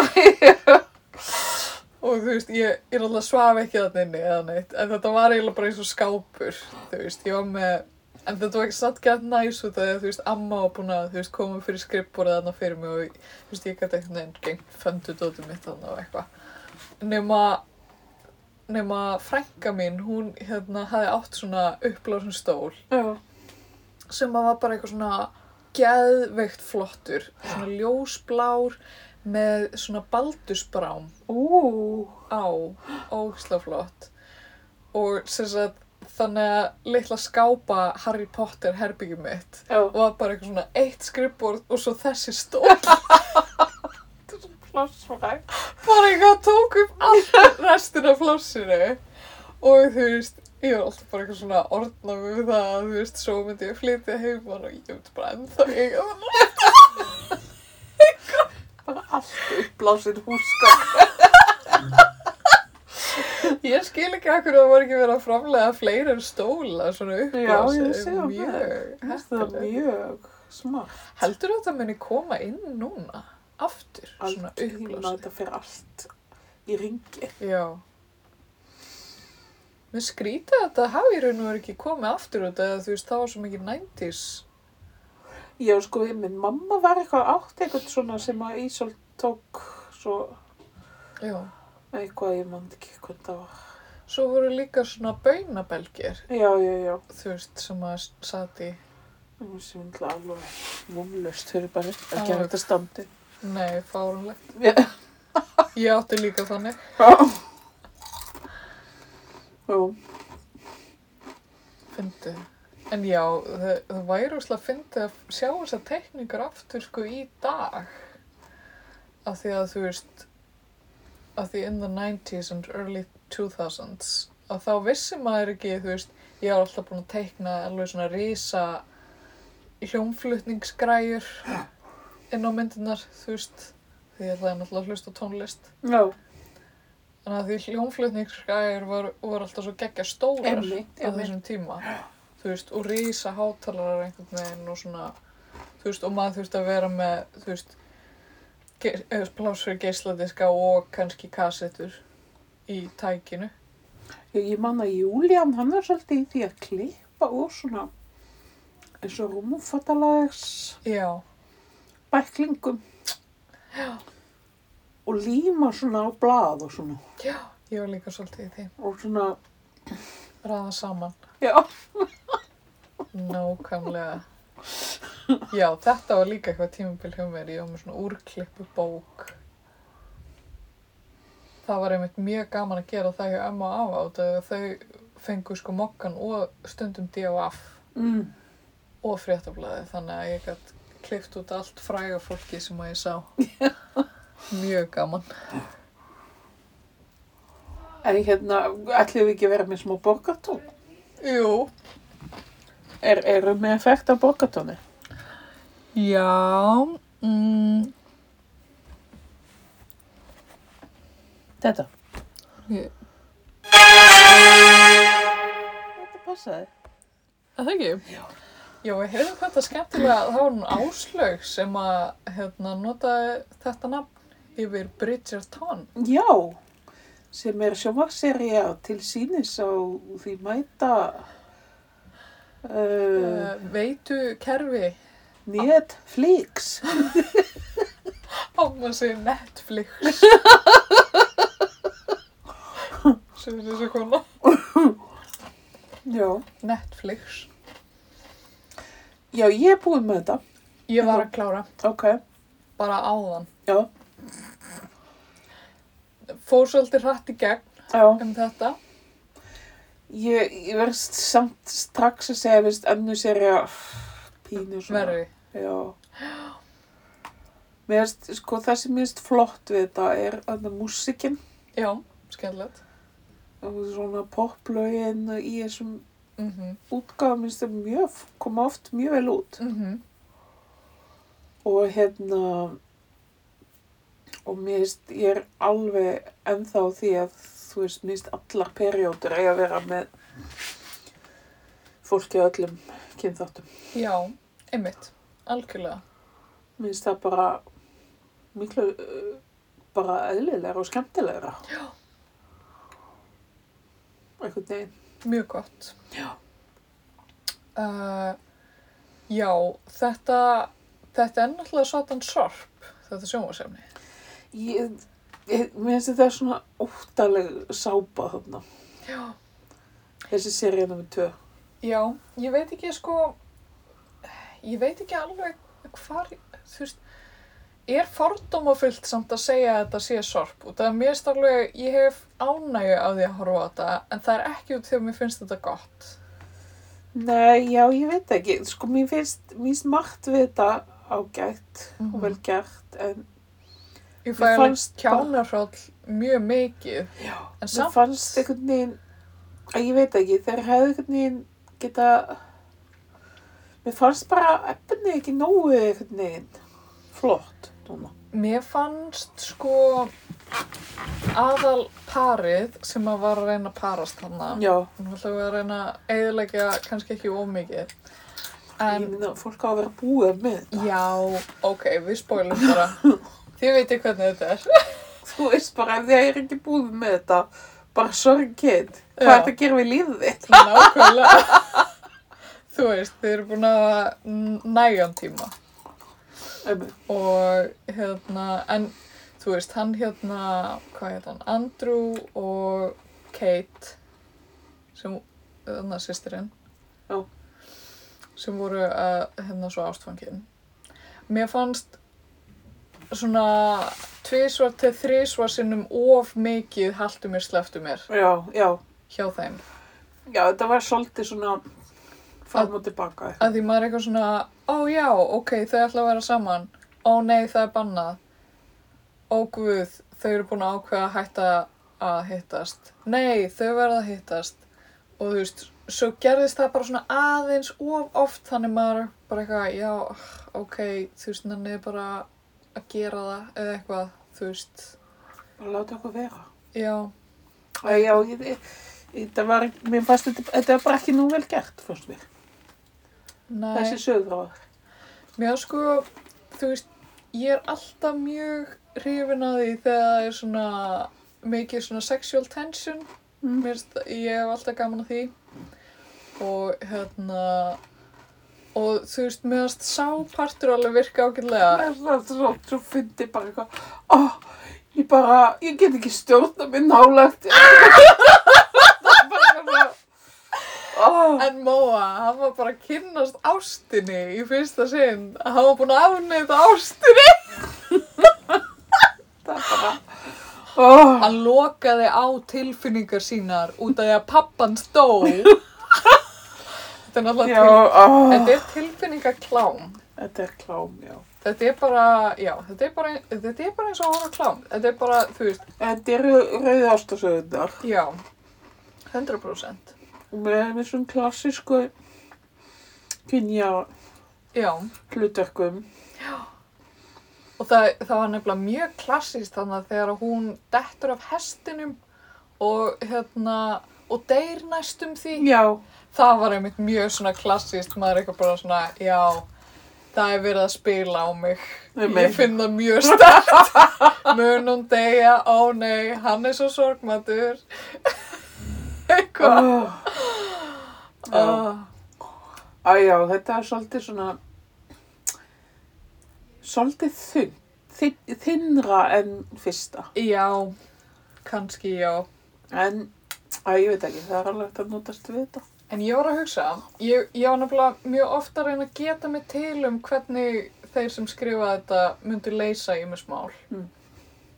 Það voru nokkri hlutir sem að ég, ef ég hefði verið að skrifa þetta, þá hefði ég skrifað nokkra hluti inn í. Ok, Um, kannski skrifa ég bara svona fanfiction, setna mér. varst að fá nýtt úr? Já. Hvernig finnst þér? Mjög töff. Það telur skrifa mín og eitthvað. Já, og lætið vita hvar þú ert í heiminu. Já. Já, mamma gaf mér það. Já, ok. Í, í þrítug samanlýskjöf á næsta ári. Oh my god. Hún er svona manneskja sem hefur vaðið fyrir neðan sig. Já. Hérna, en... Mamma gerir þetta alltaf, sorry. já, Lætum við bara, já, þetta er í ammælskif á næsta ári. svo gleymir hún því. Og svo kannski bara gleymur því og... Ég var nefnilega svo heiðarlega um daginn. Mamma var eitthvað að spyrja mig eitthvað, já, svo hvað langaði ég í ammaliðskjöf? Og ég bara, en trélitasetti sem þið gáði mér í jólagjöf var í jólagjöf og ammaliðskjöf. Auður, Og svo er ég bara eitthvað, Auður oh Lóa. my god, hvað er ég að gera? þetta spá! Aldrei! Rookie mistake! Ég bara, Þetta hefði nú getað kæmt þér. Ég geti heldur námskeið í þessu. já, ég, ég hérna, hugsaði þetta um leið og ég var búin að segja þetta bara, damn, hefði átt að sitja á þessum upplýsingum. Mamma var alveg búin að Já. gleyma þessum. Allavega, ok, Bridgerton, Já, já, sorry. Ég hefði látið þau hérna, Andrew og Kate, hlaupast á brott til Indlands. Já, Ég, ég hefði leist það þannig, ok. það mál. Af því það hefði líka verið svolítið skemmtilegt af því hann var svo þjakaður á því að vera einhver svona fjölskyldufaðurinn í fjölskyldunni sinni. Uh, að þú veist, hann var alltaf bara, ó, ég hef alla, þú veist, ábyrðina í þessari fjölskyldu og maður er eitthvað blati, blati, bla. Ok, ég voru nú svolítið leið á þeim, hérna, sögutræði. Þannig að þá hefði maður sett upp áhugaverðan sögu þar á fyrir næstu sériu Já, að þá hefði bróðir nummer tvö þurft að taka við emmi. og hann var bara eitthvað búinn að vera listamaður í þessari málara akademi sem Einmitt. þau var svo ógeðslega fyndið alltaf þegar þau eru listamenn í þáttum þá eru þeir alltaf bara að drekka og alltaf bara að berra sæ og komar eitthvað Er, er ekki þannig sem- líf sem þú lifir auðvitað? ég var að Ég kaupa meina því ég kom í stúdíu um daginn. Nei, djók. Þú Sko- veist reyndar ekki nakin. nei, ég var bara Það var engin nakin. Ég var bara nýbúin að fara í bónus að kaupa Doritos pakka fyrir research. Nei, ég meina, ah, já, ok, allavega. Þá hefði verið svolítið áhugavert að lista bróðirinn hefði þurft að vera fjölskyldufaðurinn Já, í næstu séri eða eitthvað, og þá myndi hann eitthvað svona þurfa eitthvað að forna sjálfum sér eða eitthvað. Ég veist, ég veit ekki hvað þú fólk vil gera. En svo annað, þá hefði ég vilja, hún hérna litla sem að skrifar, feðringtón hana. já, hún hérna Penelope, Já, hún var alltaf svo skotin í einum bróðurnum Já. með Bridgerton og bara guð minn góður hvað það var pirrandi sögðræður. ég, mér finnst þið mitt, mér fannst aðeins svo mikið vægi í þetta, hana Kate og, og hana dæmi. Já, að allir hinnir sögurþræðinni voru bara eitthvað ekki neitt. Já, Og þú veist, Penelope, hún er skotin í þessum Colin. Ok, hún er búin að vera það síðan bara í fyrsta þætti í fyrstu sériu. Og ég, það sem ég hef gert, að í staðin fyrir í síðasta þættinum þá heyrir hún Colin eitthvað tala við einhverju vini sína og hann er bara eitthvað, nei, ég var sko ekkert að reyna við hana, ég myndi aldrei reyna við hana já, og var bara eitthvað að glataður. Það sem ég hefði skrifað væri að hann myndi byðja hennar af því að hann, mun- hann var loksins búinn að fatta að, þú veist, hún var í raun og veru besti vinnur hans og, þú veist, helsti stuðningsmaður. Og hún hefði átt að segja nei. Já. Af því að hún hefði átt að fatta að hann var ekki góður fyrir hana já, einhvern veginn og gefa henni svona valdið einhvern Já, já. veginn að því hún var alltaf bara eins og eitthvað tól fyrir hann að nota sem ég varst Einmitt. eitthvað glatað já, svo líka finnst mér vanta, þú veist.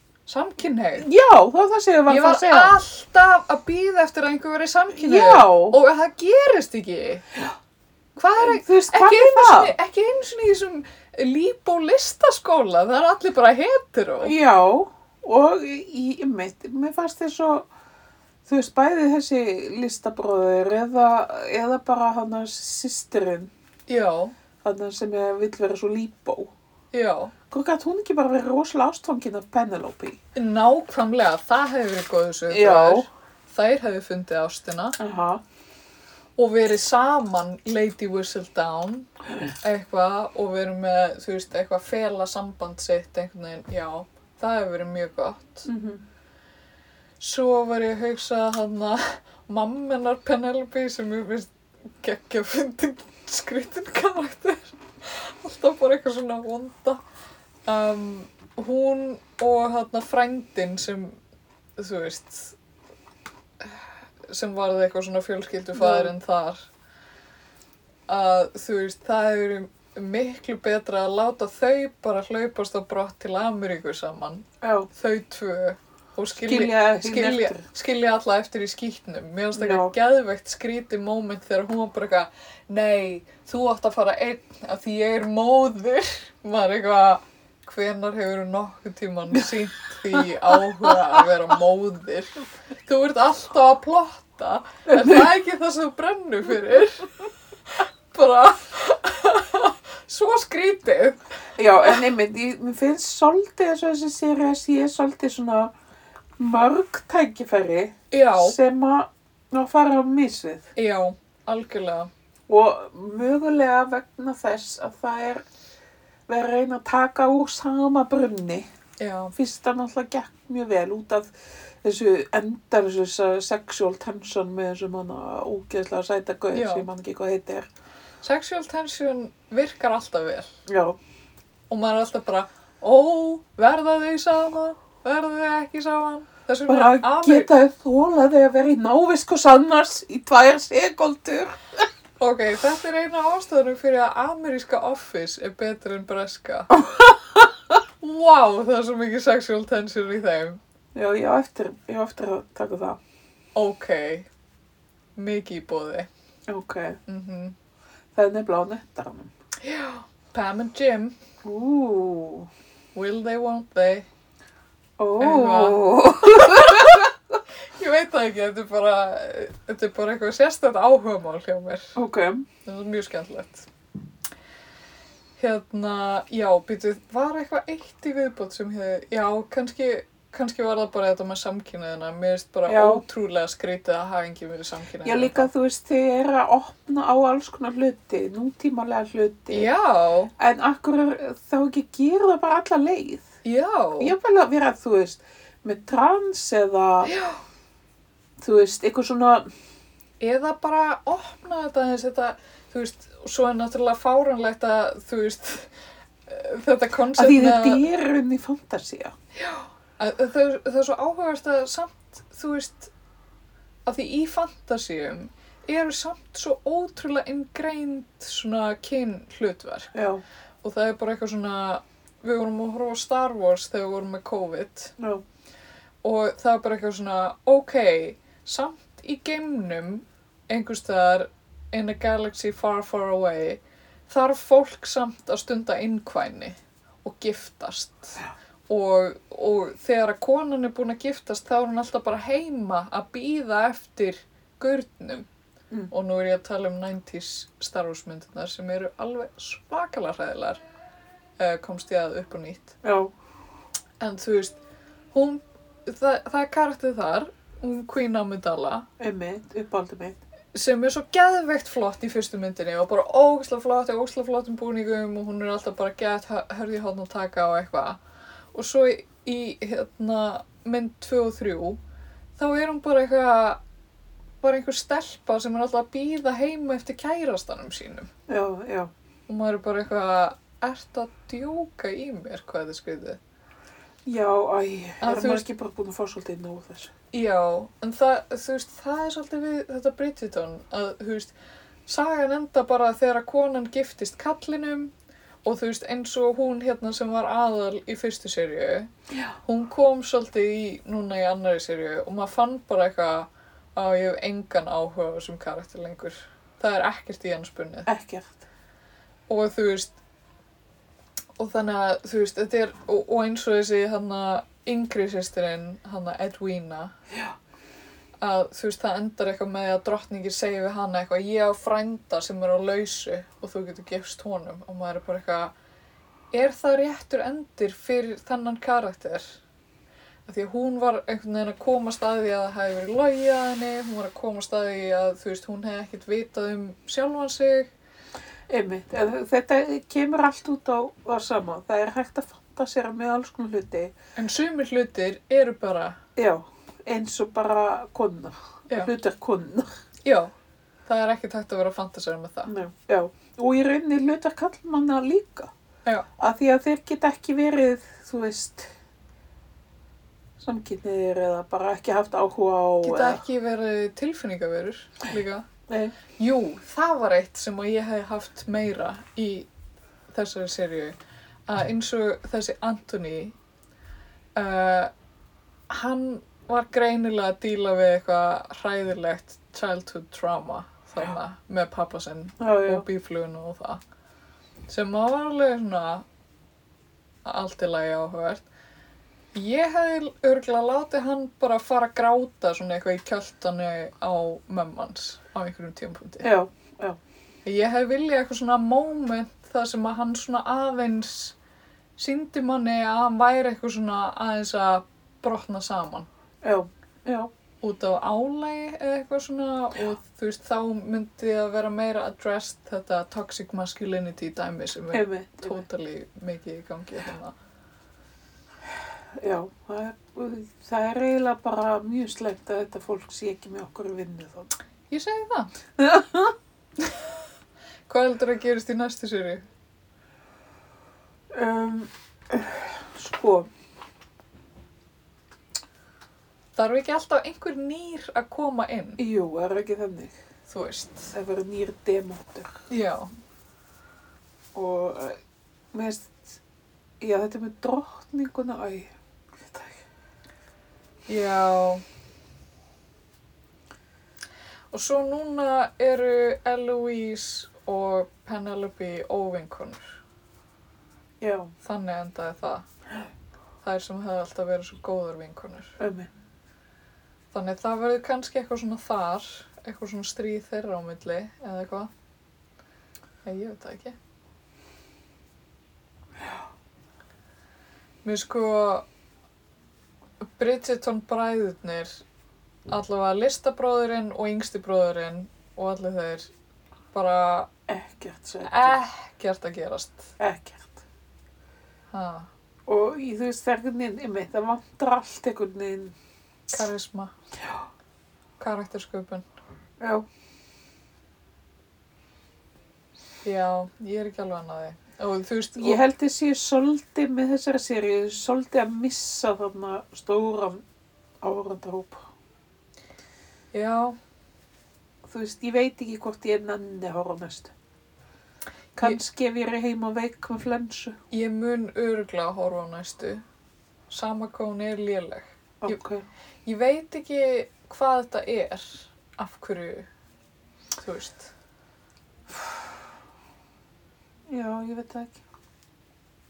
Stundum er bara gaman að horfa á sorp.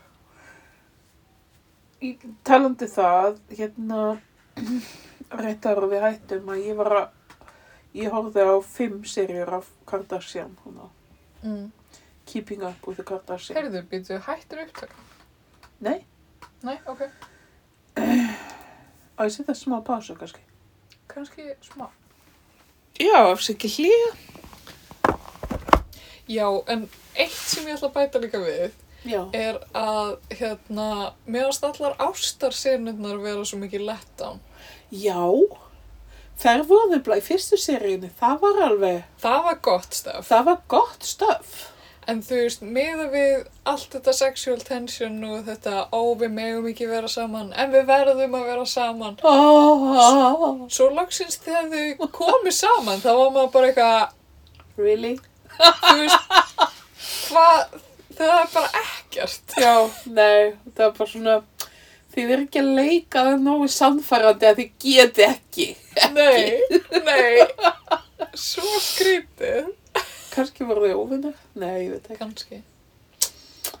En já, já, já, Já, Kardashians. Kardashians, ég bara, ég er algjörlega komin á nýtt level með þessu fjölskyldu. Ok. Ég er bara mjög hrifin af þeim. Að því að mér finnst þetta svolítið merkilegt samfélagslegt fyrirbæri Já. sem þau takast á við Mm og þau eru svona kannski örgla með þeim fyrstu sem tekst á við það að eiga transkonu Mhm. í fjölskyldunni Mhm. og einhvern veginn gera það ofinbarlega Mm. og þetta er bara mjög fróðlegt Mm. og svona þú veist, hvernig þetta hefur áhrif og þú veist, það er ekki allir sáttir og, og allt það Mhm. og þú veist, sum finnst þetta erfiðar en öðrum og, Mhm. og þú veist, og hún einhvern veginn sjálf, Caitlyn er, þú veist, hún á líka einhvern veginn erfitt og Mhm. allt þetta og Mhm. en samt, þú veist, er svo það sem kannski er svo ljóst er þau- þessi óumflýjanleiki þess að bara gera þetta Já, hjá henni já, sem að kemur einhvern veginn svo í ljós í þessum þætti já, og þeir eru með tvo þætti sem fjallar bara um brús já. heita þeir sko og eh, fjallar um þetta og þú veist, þau eru bara eitthvað akkur segður okkur ekki og fyrr og eitthvað svona Mhm. allt eðlar tilfinningar hjá öllum einhvern veginn Mhm. Mér finnst þau- mér finnst þetta mjög svona í rauninni, þú veist, þau eru svolítið trójuhestur Mm. í því að bara kynna fyrir venjulega fólkinu, Já. bara já, svona gerist þetta og þú veist, þetta er ekkert auðvelt fyrir neitt og örgulega síst mm keitlin, Mhm. en líka, þú veist, eins og Chris Mhm. sem bara allt í þínu þarf að setja allt sitt líf í ykkur að bara byrja hvað var þetta þá, þú veist. Já. En mér finnst þetta mjög svona, já, bara svolítið hetjulegt, sko. Já, það er allavega einlega til þess að horfa á það. Ég hef ekki séð þetta, þannig ég veit ekki alveg, Nei, en þú veist, að því að þú veist. þetta, þetta er fólk sem á hellinga pening og getur, þú veist, farið í alls konar aðgerður og allt það. En það er einhvern veginn þessi alvara þarna bakvið. Já. Að þú veist, það er enginn að gera þetta til að leika sér. Nei, auðvitað ekki. Og, og það, þetta hefur áhrif á alla. Mhm. Þannig að, já, bara mjög mæli með þessu. Já. Kardashians. Ég veit nú ekki hvort ég legg samt meira tíma í þetta. það var þetta svolítið intensan á tímbili. Þú getur kallað þetta félagsfræðir hans og. Já. Uh, ég er líka sko kalla alls konar hluti rannsók bara, Já. þú veist, eins og að fara í góða hyrðin þegar ég er að fara í svona smá rannsóknilega okkur. Emi, Því þegar maður hefur er listan... síkuð að skrifstofastóla þar undanfarið Já, já, já. sem er ekki úr svona kattaefni. Sem er ekki allir í kattahórum. Já, Um, ég skal bara hafa augun opinn. sem er kannski með einhverjum svona sleipu efni. Já, já, já. Gæmulegri eða Já, eitthvað. fullt af því, sko. Já. Já, endilega hafa augum opinn. Já. Þið líka hlustendur góðir. Bara, við erum að leita að þessu. Er eitthvað fleira sem við erum að leita? Svörum, til dæmis, við ymsu spurningum. Já, Uh, Mm. við erum að leita að ymsu. já. Við erum alltaf að leita. Við erum að leita að fræjum til að sá. Emi, Uh, já, sem minn mig á það, ég ætla að koma með svolítið að fræjum fyrir þig. Ég er með það eitthvað að fræðum hérna líka. -hmm. Ég kefti einmitt fræ af skjaldfléttu sem er bara gul. Já. Það er spennt fyrir því. Er það rægt að baunagrös? Já, ég áreindar síðan í fyrra eitthvað af slíkum fræðum sem ég ætlaði bara að nota. Guð, ég er svo spennt. Við erum í baunaræktinni núna. Já, Búin að setja niður nokkrar. það gekk svo vel í fyrra hjá mér.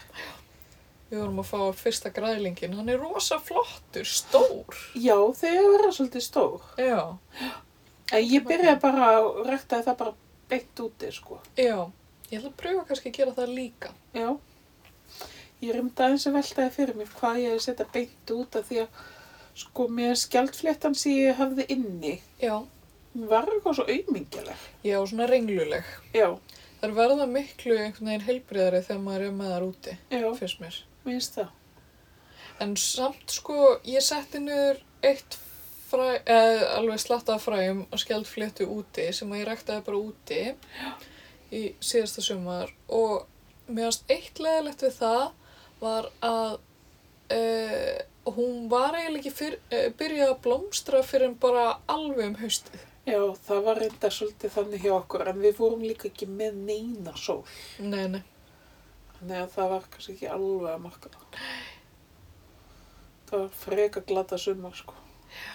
Já. Svona ræktunulega séð, sko. Já, Samt, sko, hérna morgunfrútnar í borginni blómstruð bara já. svo mingen morgandagen, sko.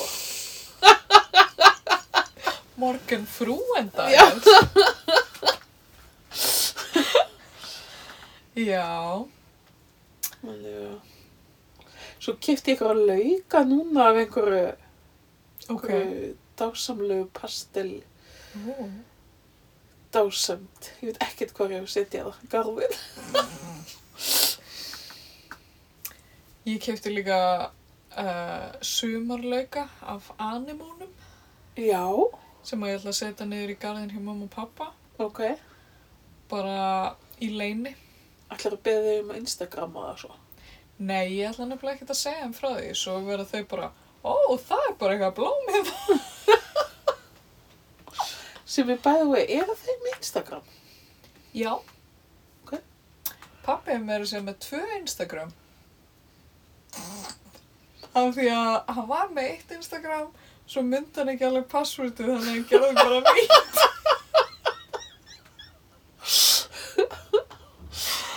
Ok.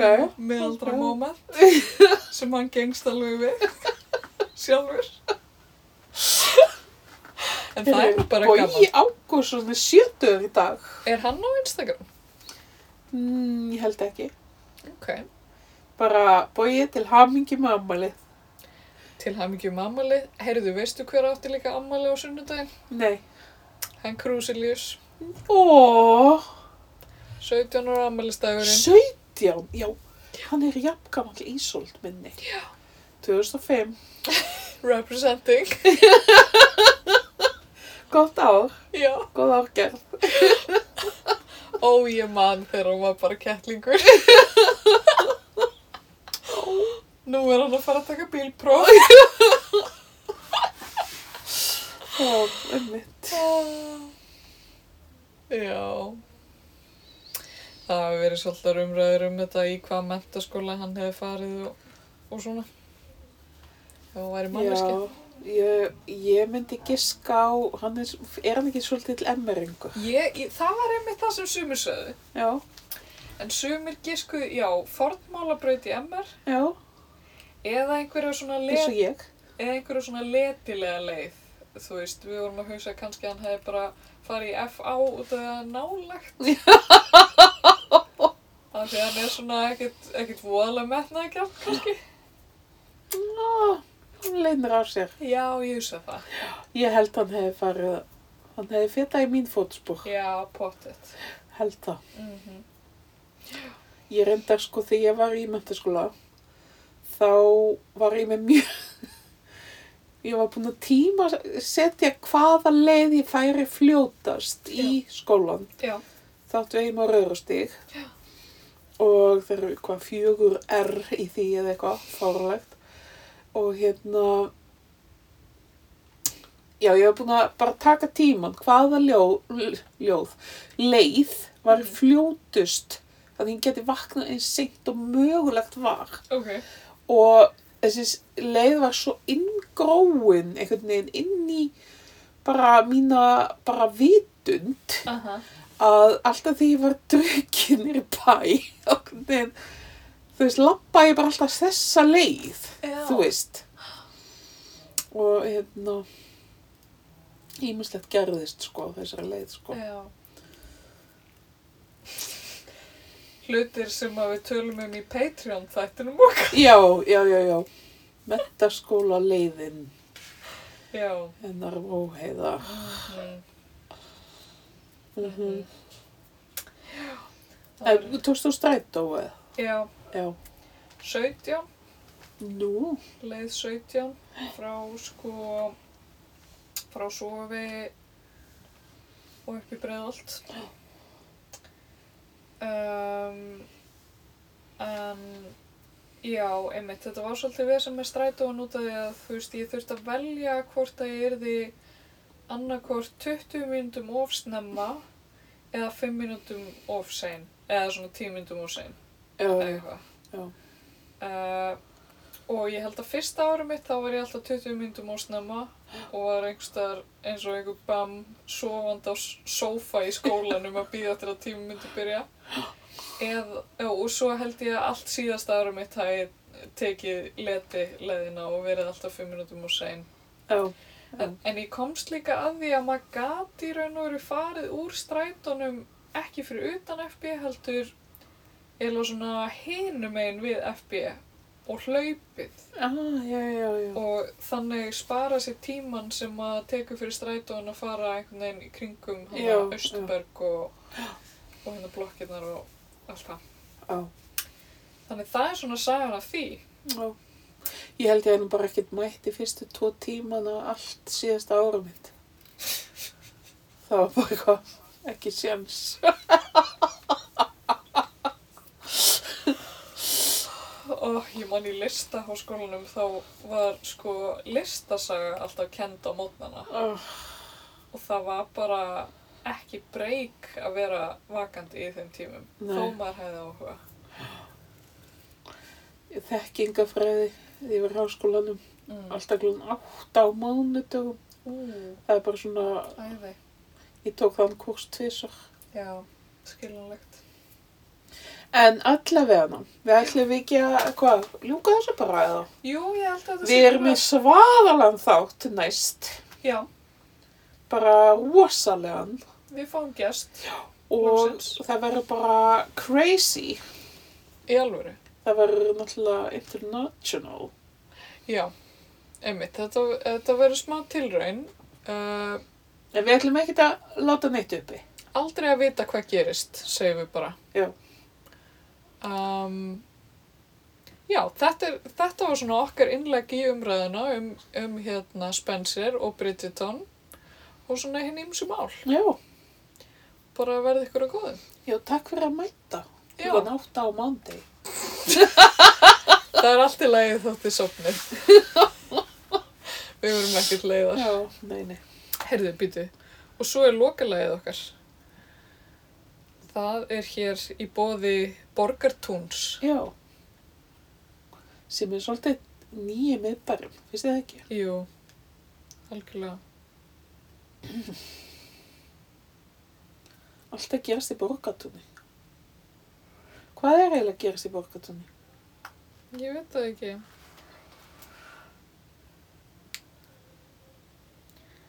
Ah. Ég held ég væri búin að finna það. Nei, en ég get kannski sagt brandara á meðan. Ó,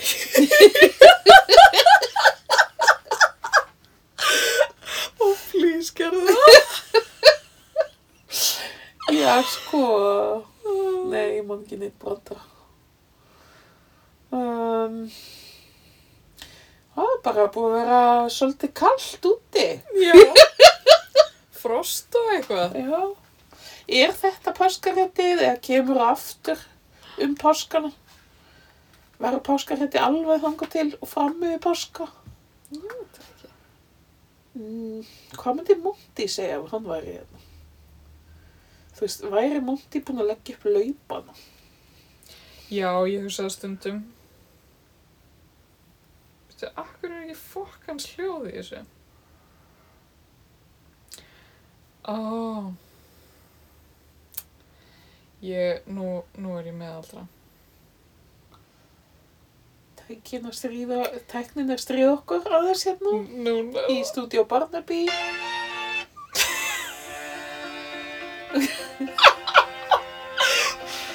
Hljóðið var í heyrnatólunum mínum. Ah, já, já, já. Mm. Það var miðaldra moment kvöldsins. Já. Mjög glöða það var ekki mitt. Ekkert meira svona. Þe- Þetta fyrir ekki alltaf að gerast hjá þér, Ölva. Ha, hvað sagði þið? Þú veist, 30 á næsta ári og hvað gerir svo, sko? Jésús. Það er aldrei að vita. Ætlaðu þú að fara í ferðalag í Írlandi í tvær vikur? Já, það er Eh. þrítið. Kanski. Ég gerði það. Já. Kanski ég gera það bara.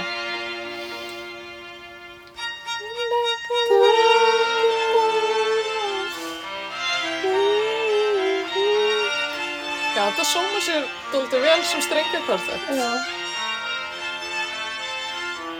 Hún veist þeirri stans.